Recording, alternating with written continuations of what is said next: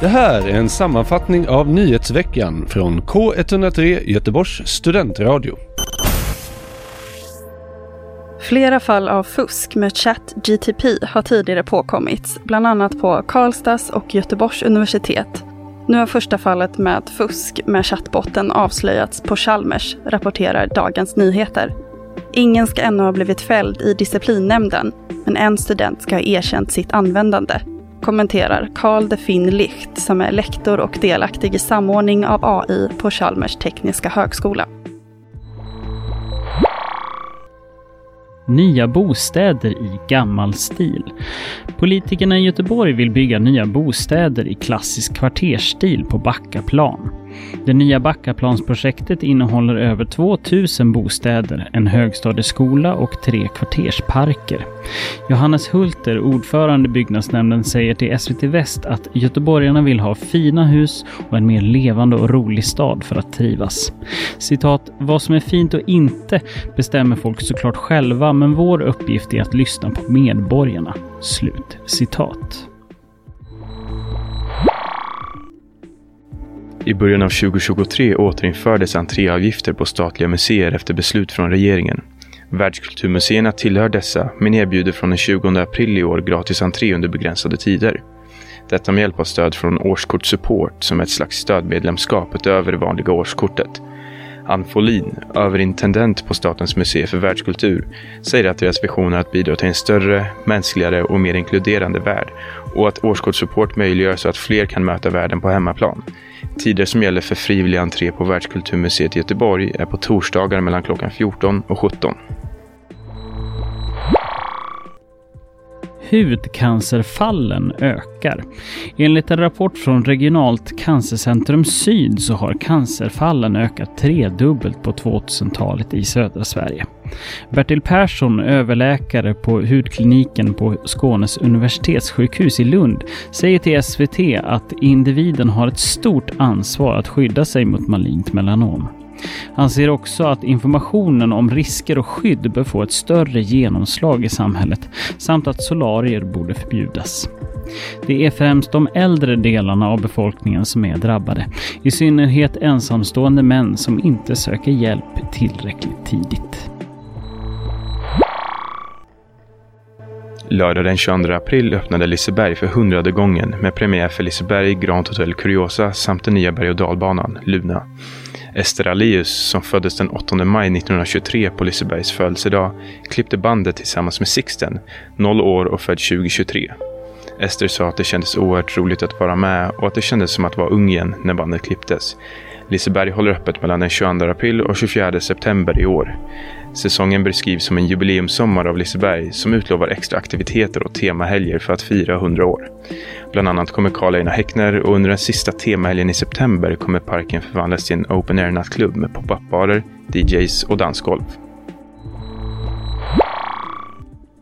Nyexaminerade läkare och sjuksköterskor anser sig oförberedda på katastrofer. Enligt en webbaserad enkät som skickats ut till över 500 läkarstudenter och 400 sjuksköterskostudenter så ansåg de flesta att deras kunskaper inom så kallad katastrofmedicin var otillräckliga.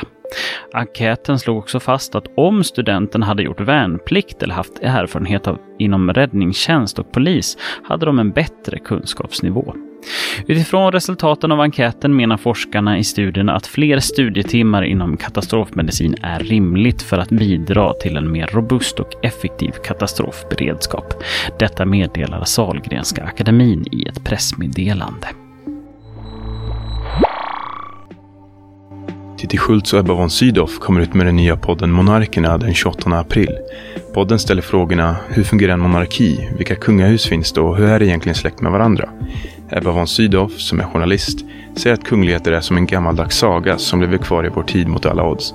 Titti Schultz, programledare på P4 Extra, säger att hon ser fram emot att få nörda ner sig i allt från stora ämnen som vårt statsskick till kungliga husdjur. Caroline Perron, som är digitalt utbudsansvarig på Sveriges Radio, säger att kungligheter ofta förknippas med skvaller och skandaler, men att de vill göra en podd som sätter kungahusen i historiskt sammanhang och förklarar traditionernas bakgrund samt familjernas koppling till varandra.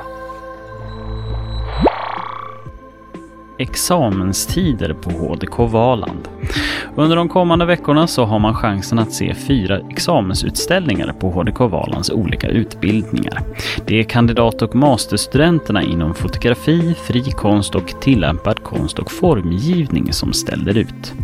För den som är sugen kan man bege sig till Röda Stens konsthall, Göteborgs konsthall, Konstepidemin eller Steneby konsthall i Dals Långed. Utställningarna Maxi, Stirrar in i solen tills den blir lila, Biting My Tongue, See-Through och Origo ställer ut från den 27 april till och med den 28 maj meddelar HDK Valand i ett pressmeddelande. För mer specifika tider för varje utställning så kan man gå in på HDK Valands hemsida. Den 6 maj är det museernas dag i Göteborg, vilket innebär att det är fri entré på Göteborgs museer och konsthall. Museerna som har fri entré är Göteborgs konstmuseum, Sjöfartsmuseet Akvariet, Röska museet och Göteborgs konsthall. Samtidigt firar Göteborg konstmuseums byggnad 100 år där det blir tårta, foto och film från arkiv samt guidade visningar på Götaplatsen. Jubileumsutställningen Den underbara färgen, Göteborg kolorismen i nytt ljus, visas i samband med detta. Per-Henrik Hartman, VD för fastighetsägaren Higab, ser att veporna i valven kommer bli till fönster över de hundra gångna åren med bilder från invigningsåret 1923, damlandslag i fotbolls firande av bronset 2019. Hartman uppger även att återblicken är viktig då de blickar framåt i planering av de kommande om och tillbyggnationer av konstmuseet som beräknas vara klara år 2030. Enligt en avhandling vid Göteborgs universitet så har personer som vårdas på stora sjukhus med bra resurser större chans att överleva ett hjärtstopp. Om hjärtstoppet sker dagtid ökar även det chansen, skriver Sahlgrenska akademin i ett pressmeddelande. Avhandlingen slår också fast att överlevnaden i Sverige är relativt hög och att en majoritet är vid liv ett år senare. Fredrik Hessulf, som är författare till avhandlingen, tror att skillnaderna om man överlever eller inte beror främst på resursfördelning och i viss mån även på skillnader i kompetens. På mindre sjukhus finns mindre resurser och minskad kompetens nattetid jämfört med större sjukhus. Tidigare i år kom beskedet om att Skandinavium ska rivas för att göra plats för en ny arena. Sveriges Radio rapporterade att detta bland annat beror på att taket i arenan är för lågt och inte tillräckligt starkt för de produktioner som arrangeras. Men nu är tanken att Skandinavium får stå kvar, i alla fall tills den nya arenan färdigställts, rapporterar Dagens Nyheter. Istället riskerar Valhallabadet vara det som rivs, men ännu är frågan inte avgjord bland Göteborgs delaktiga partier.